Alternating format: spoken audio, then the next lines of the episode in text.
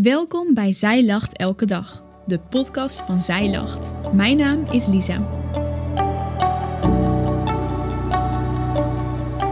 Dit is de overdenking van 4 augustus, geschreven door Hadassa. Rustig loop ik door de rekken. Ik kijk om me heen naar de kleren die er hangen. Ik vind het heerlijk, een beetje kleding kijken. Af en toe wat passen. Toch kan ik er niet zo meer van genieten als eerst. Het lukt me niet meer om rustig tussen de rekken door te lopen, zonder bestookt te worden met allerlei vragen. Waar is dit shirt gemaakt? Wie heeft er straks het meest profijt van als ik dit koop? Kan ik het maken om maar gewoon kleding te blijven kopen? Ik vind het ingewikkelde vragen.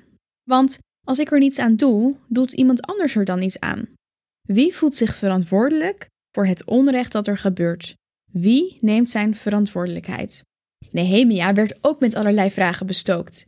Zijn verhaal begint met slecht nieuws. De stad Jeruzalem is een grote puinhoop.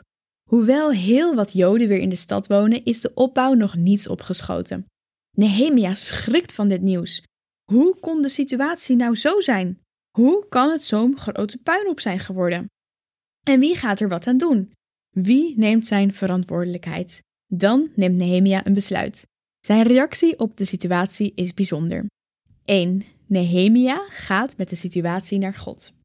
Nehemia hoort van de puinhoop die zijn volk ervan heeft gemaakt. Hij besluit om ermee naar God te gaan. Blijkbaar weet hij dat hij daarvoor bij God aan het juiste adres is. Hij begint zijn gebed met het aanroepen van God. Dat doet hij niet zomaar. Hij kiest zijn woorden zorgvuldig door te citeren uit Deuteronomium 7. We lezen het in Nehemia 1 vers 5. Ik bad, ach Heer, God van de hemel, machtige en ontzagwekkende God, u die uw belofte nakomt en trouw bent aan ieder die u lief hebt, en doet wat u gebiedt. Luister aandachtig en zie hoe uw dienaar dag en nacht tot u bidt ten behoeve van uw dienaren, de Israëlieten. Nehemia benoemt heel bewust eigenschappen van God. Hij benoemt dat God trouw is en zijn belofte nakomt. Maar waarom kiest Nehemia nu juist voor deze eigenschappen? Dat heeft alles te maken met het vervolg van zijn gebed.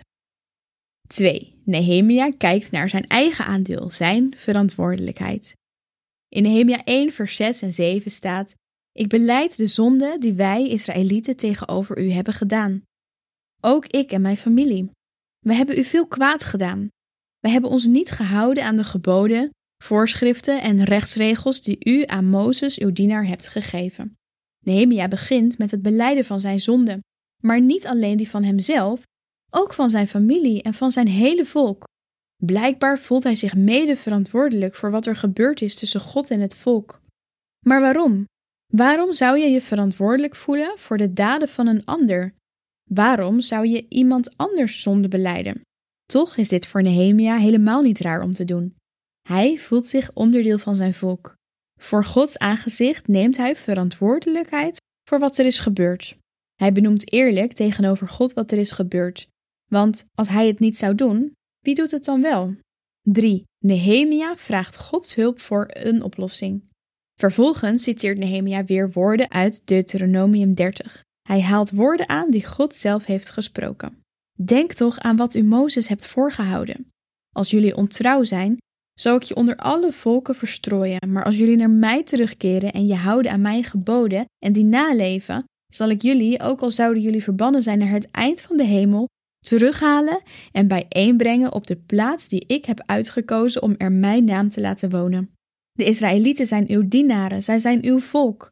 U hebt hen door uw grote macht en met uw sterke hand bevrijd.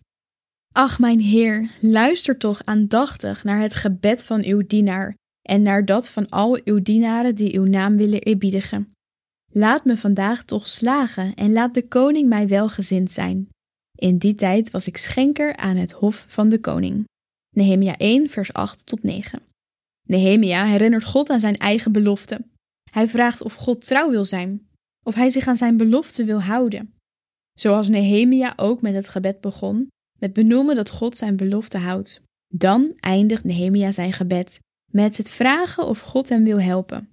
Hij heeft namelijk een plan om de puinhoop weer op te gaan bouwen, maar hij beseft dat het alleen goed kan gaan als God hem helpt. Alleen als God het wil, kan zijn plan slagen. Zo wordt Nehemia zelf onderdeel van de oplossing. Hij mag met Gods hulp Jeruzalem weer gaan opbouwen.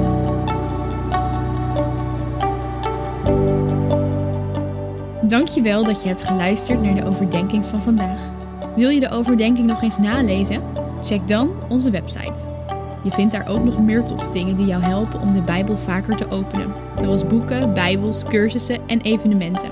Morgen ben ik weer bij je terug met een nieuwe overdenking. Tot dan!